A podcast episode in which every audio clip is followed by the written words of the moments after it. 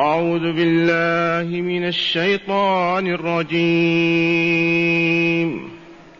إن الله فالق الحب والنوى. يخرج الحي من الميت ومخرج الميت من الحي. ذلكم الله فأنا تؤفكون. فالق الإصباح وجعل الليل سكنا والشمس والقمر حسبانا. ذلك تقدير العزيز العليم. وهو الذي جعل لكم النجوم لتهتدوا بها في ظلمات البر والبحر. قد فصلنا الآيات لقوم يعلمون.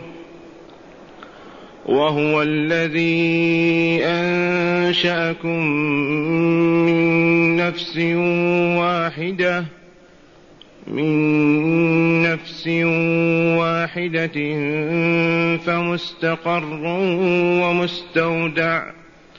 قد فصلنا الآيات لقوم يفقهون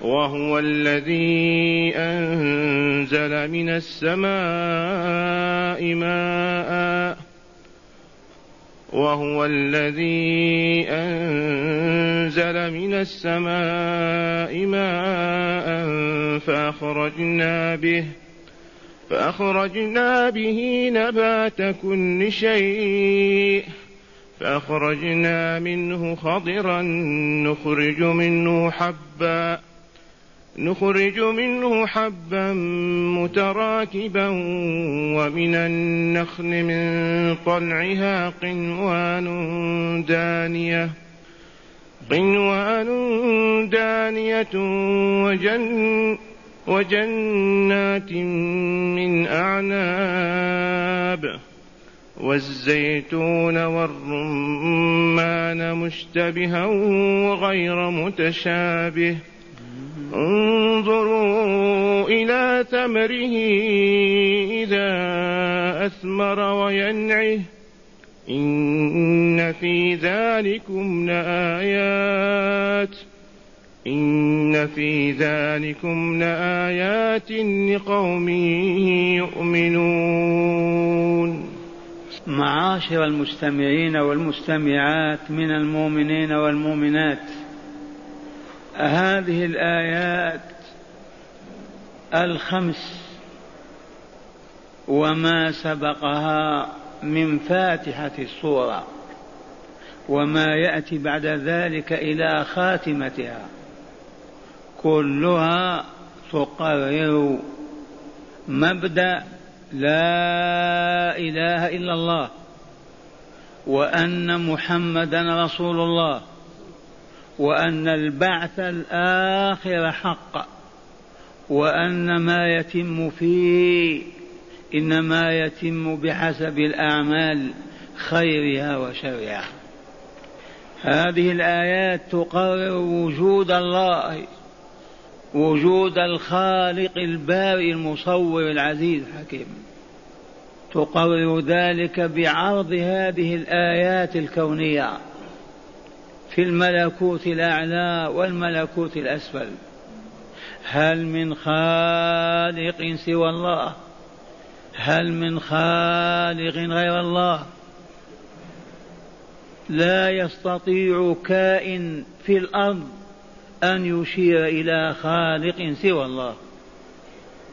إما أن يقول لا خالق إلا الله أو ينكس رأسه ويطاطئه ويقول لا لا أدري. هل يعقل وجود مخلوق بدون خالق؟ هل يعقل أن يوجد مخلوق بدون خالق ذي علم أحاط بكل شيء؟ ذي قدرة لا يعجزها شيء.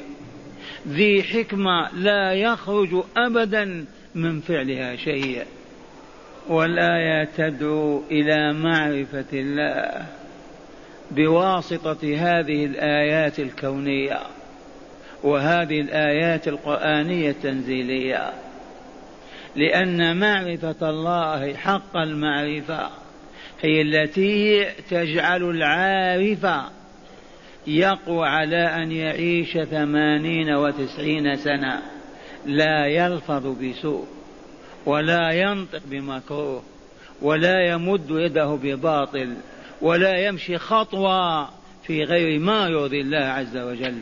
هذا هو العلم الذي قال فيه عز وجل إنما يخشى الله من عباده العلماء. إنما يخشى الله من عباده من؟ العلماء. ما هم علماء الذرة والهيدروجين والتقنية ولا السحر ولا الشيطانية؟ وإنما العلماء بربهم الذين عرفوا بأسمائه وصفاته عرفوه بواسطة آياته الكونية والتنزيلية. فاكسبتهم معرفته أمرين عظيمين ألا وهما حبه تعالى فوق كل محبوب. ثم الخوف منه والخشية. والرسول الكريم يقول اللهم إني أسألك حبك وحب من يحبك وحب كل عمل يقربني من حبك. اللهم اجعل حبك أحب إلي من أهلي ونفسي ومالي والناس أجمعين. كيف تحب الله وأنت ما رأيت جماله ولا كماله ولا عظمته ولا جبروته ولا قدرته ولا عرفت شيئا من أسماء وصفاته؟ من أين لك؟ ومعنى هذا؟ هيا نعود إلى كتاب الله. لقد فصل الله في الآيات تفصيلا. ما إن تقرأه متأملا متفكرا متدبرا إلا ويزداد إيمانك في قلبك.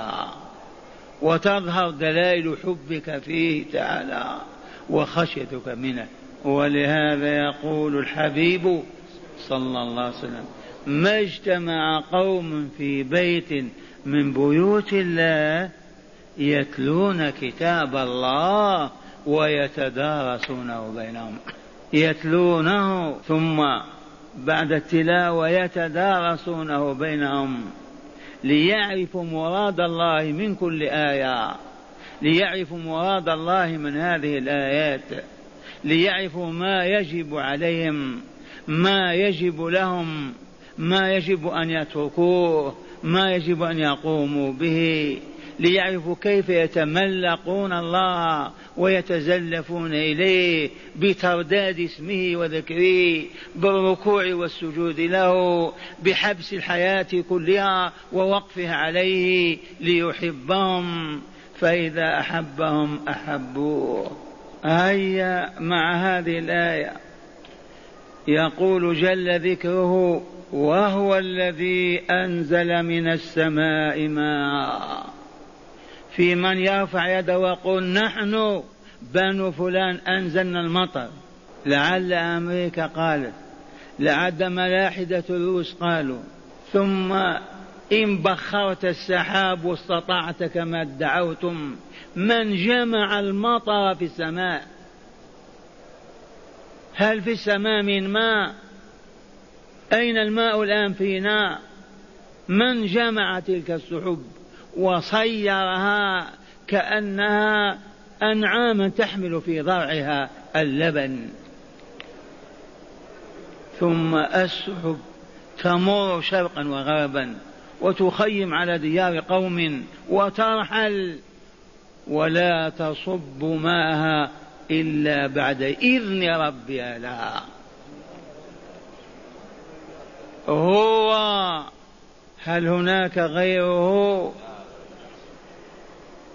هو الذي أنزل من السماء ماء وهذا الماء ملح أجاج مر أسود أحمر. والله كأنه مصفى في آلاف الآلات. سبحان الله العظيم. لم ما نسأل هذا الماء من أنزله؟ فيقال لنا هذا الله. فنقول من هو الله؟ يقول خالقكم ورازقكم وربكم الذي لا رب لكم سواه.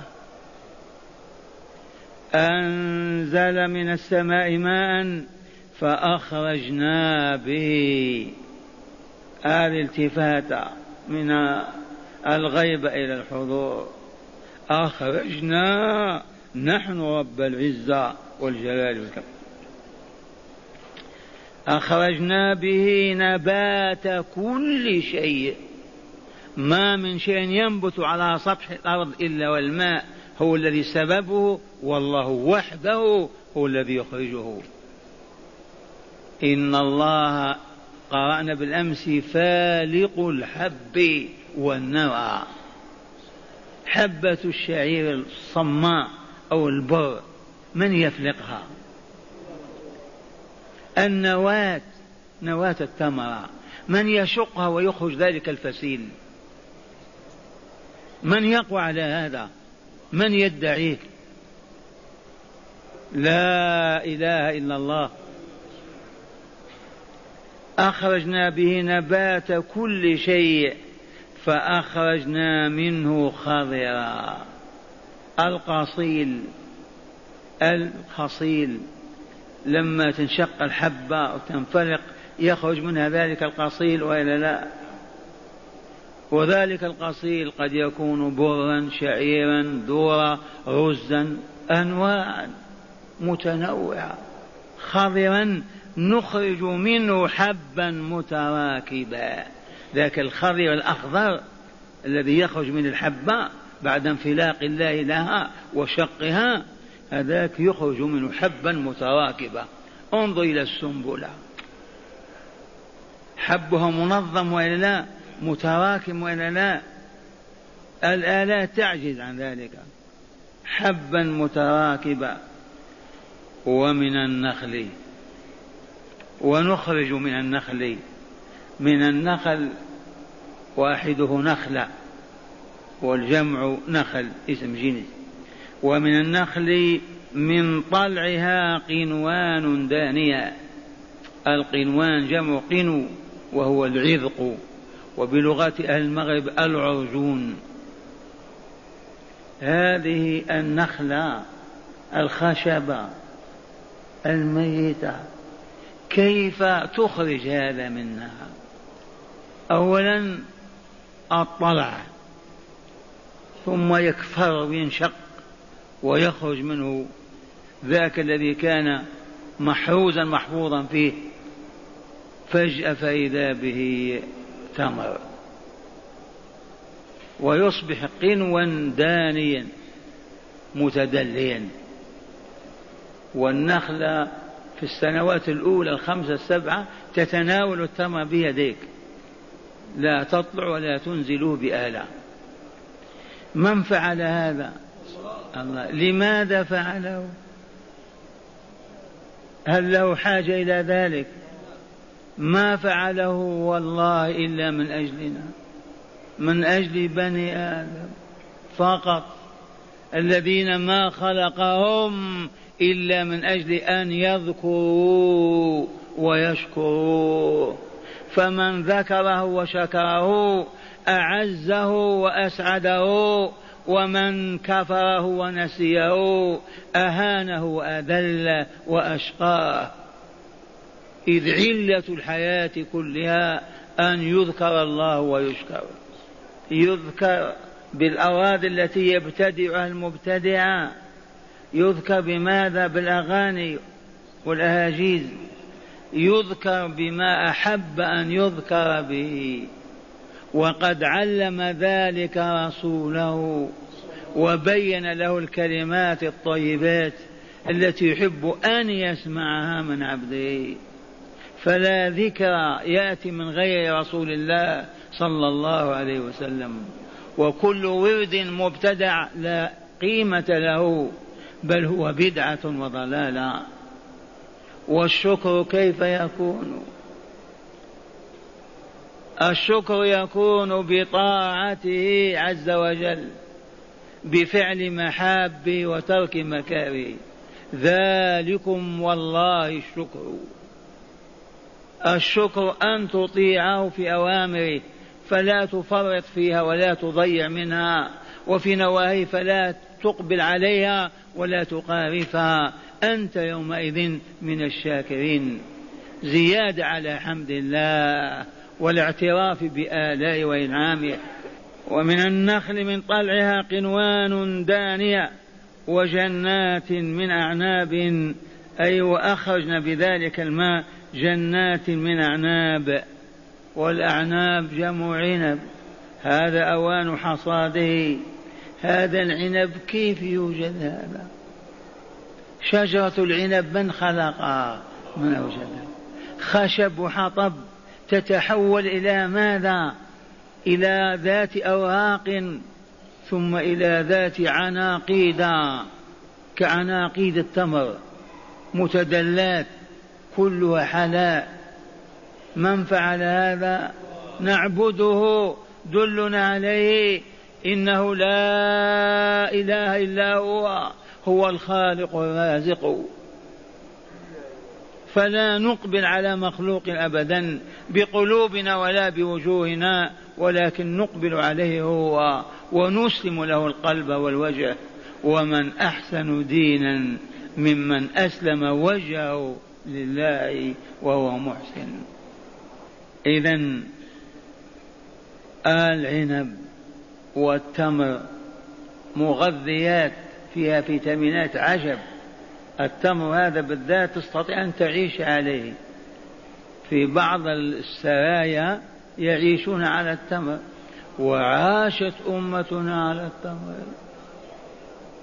التمر قيل إن واحدة التمر فيها غذاء أكثر من خمس عشر تفاحة. سمعنا هذا من بعض الناس. جائز. الحبة الواحدة من التمر تغذي جسمك أكثر من خمس عشرة تفاحة. التمر. هذا التمر. ذكرنا قصة من سنين في الدرس. جاء صقلبي من شمال العالم من تلك الديار التي لا تعرف التمر ولا النخل. ودخل إلى بلادنا الصحراوية وذهبنا معه إلى الحديقة إلى البستان إلى الجنان فقدمنا له الرطب. كل فتعجب كيف هذا يصنع؟ ما هو المصنع الذي ينتج هذا الرطب الحلو؟ ماذا قال له؟ هو قال هذا الذي يفعل هذا ينبغي أن يجل ويقدس ويكبر. فلما انتهى إلى البستان وشاهد أنه من النخل عرف أن هذا ليس من صنع الإنسان هذا من صنع الله عز وجل. فآمن ودخل في الإسلام. قال تعالى والزيتون والرمان.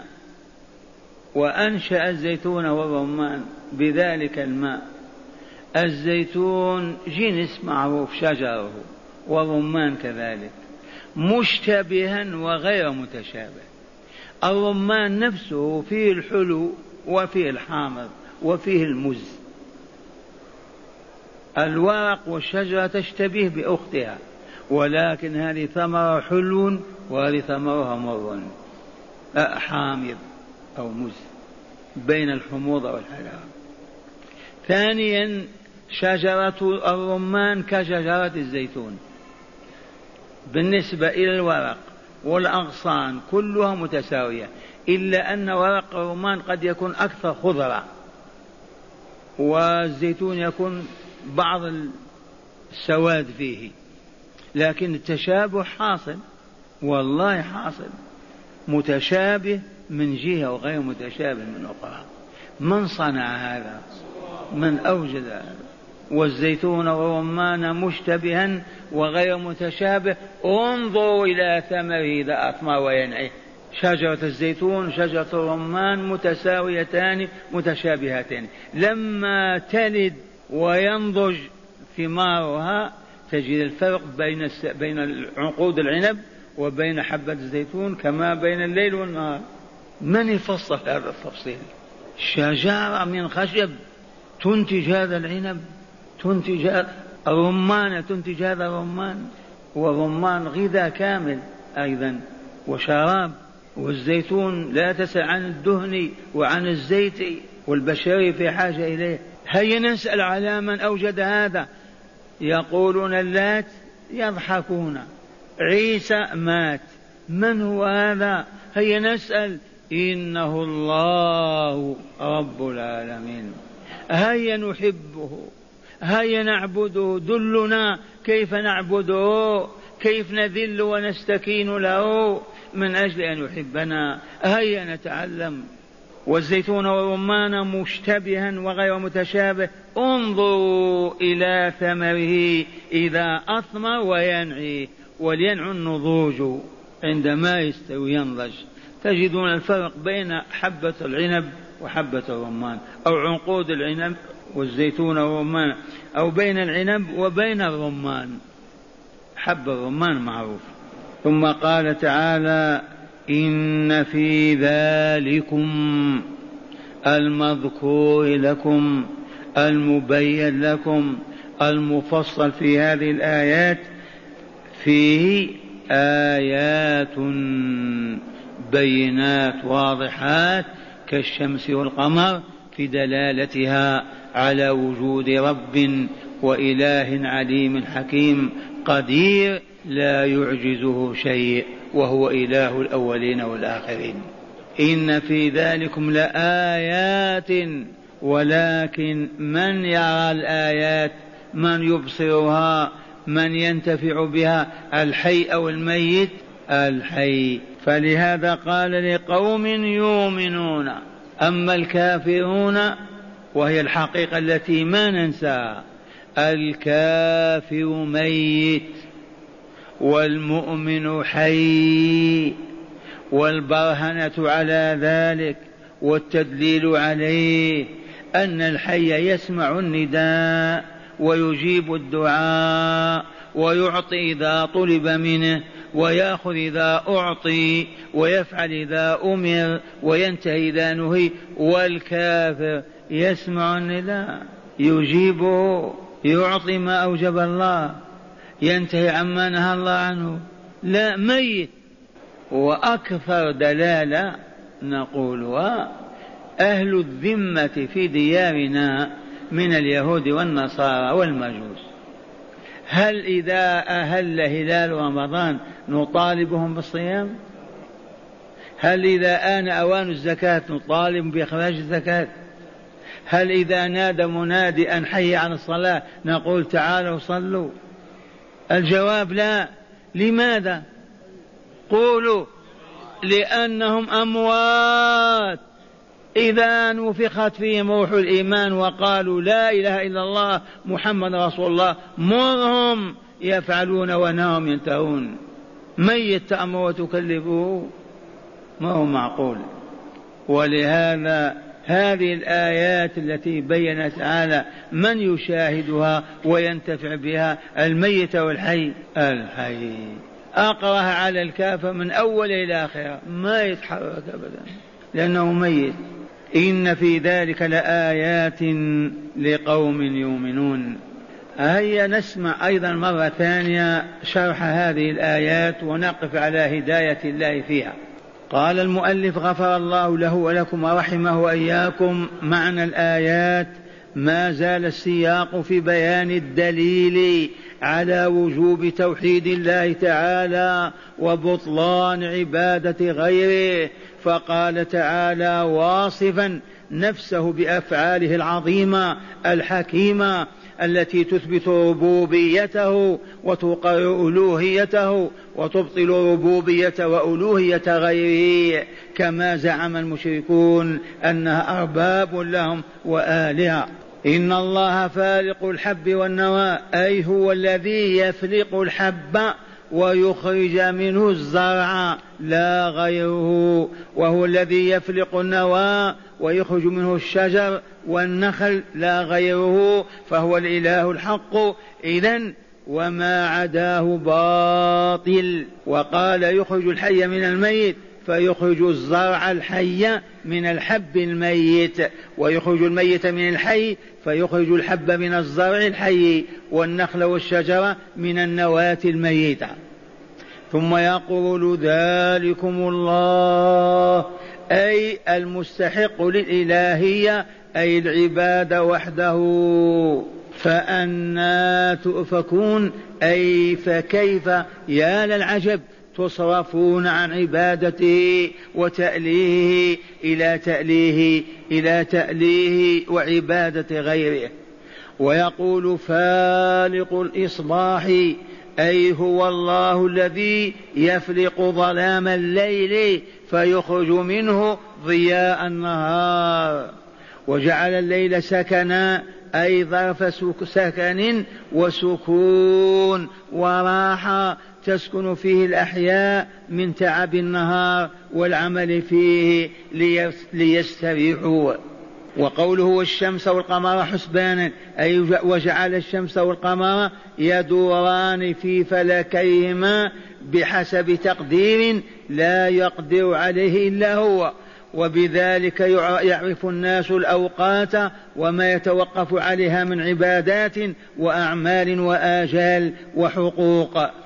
ثم يشير إلى فعله ذلك فيقول ذلك تقدير العزيز العليم العزيز الغالب على أمره العليم بسائر خلقه وأحوالهم وحاجاتهم وقد فعل ذلك لأجلهم فكيف اذا لا يستحق عبادتهم وتاليهم عجبا لحال بني آدم ما أضلهم.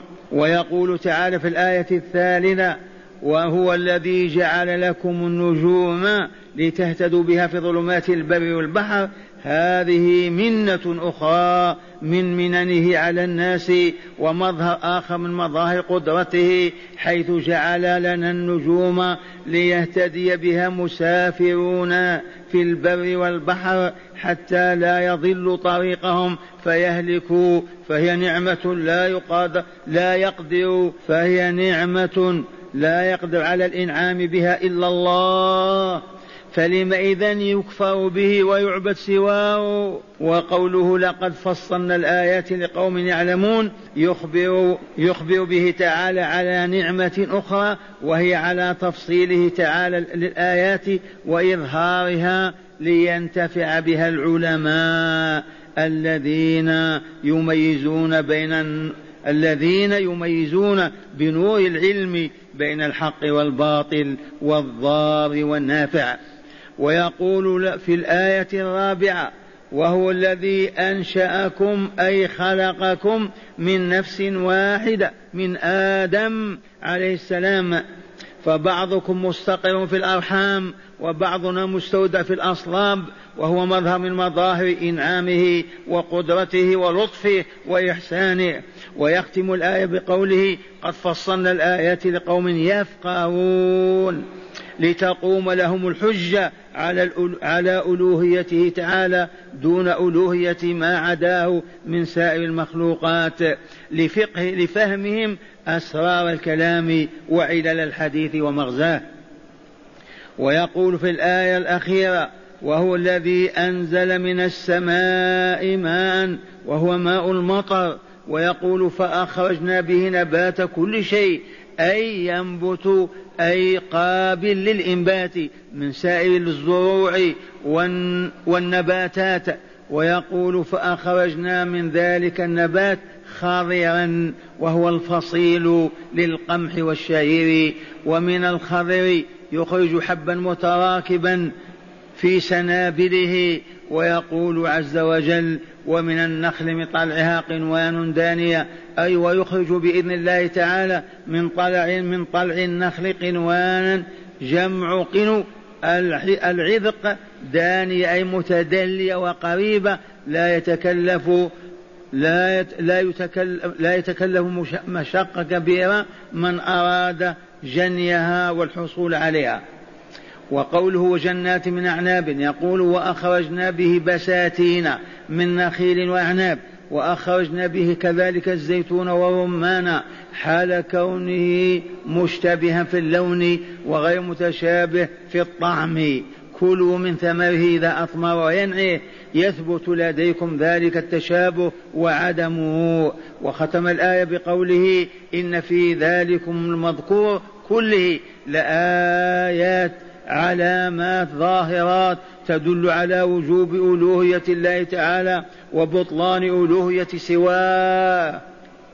لقوم يؤمنون لأنهم أحياء يعقلون ويفكرون ويفهمون. أما غيرهم أما غيرهم من أهل الكفر فهم أموات القلوب. لما ران عليها من أوضار الشرك والمعاصي فهم لا يعقلون ولا يفقهون. فأنى لهم أن يجدوا في تلك الآيات ما يدلهم على توحيد الله عز وجل. الآيات الآن من هداية الآيات ست هدايات. تذكروا الآية أولا الله خالق كل شيء. فهو رب كل شيء. وإلا لا؟ ما دام خالق كل شيء هو رب كل شيء. ولذا وجب أن يؤله وحده أي أن يعبد وحده دون ما سواه. لكونه خالق كل شيء وجب أن يكون الإله المعبود بحق ولا يعبد سواه. ثانيا تقرير قدرة الله على كل شيء. وعلمه بكل شيء وحكمته في كل شيء حتى في الفسيلة. لا إله إلا الله.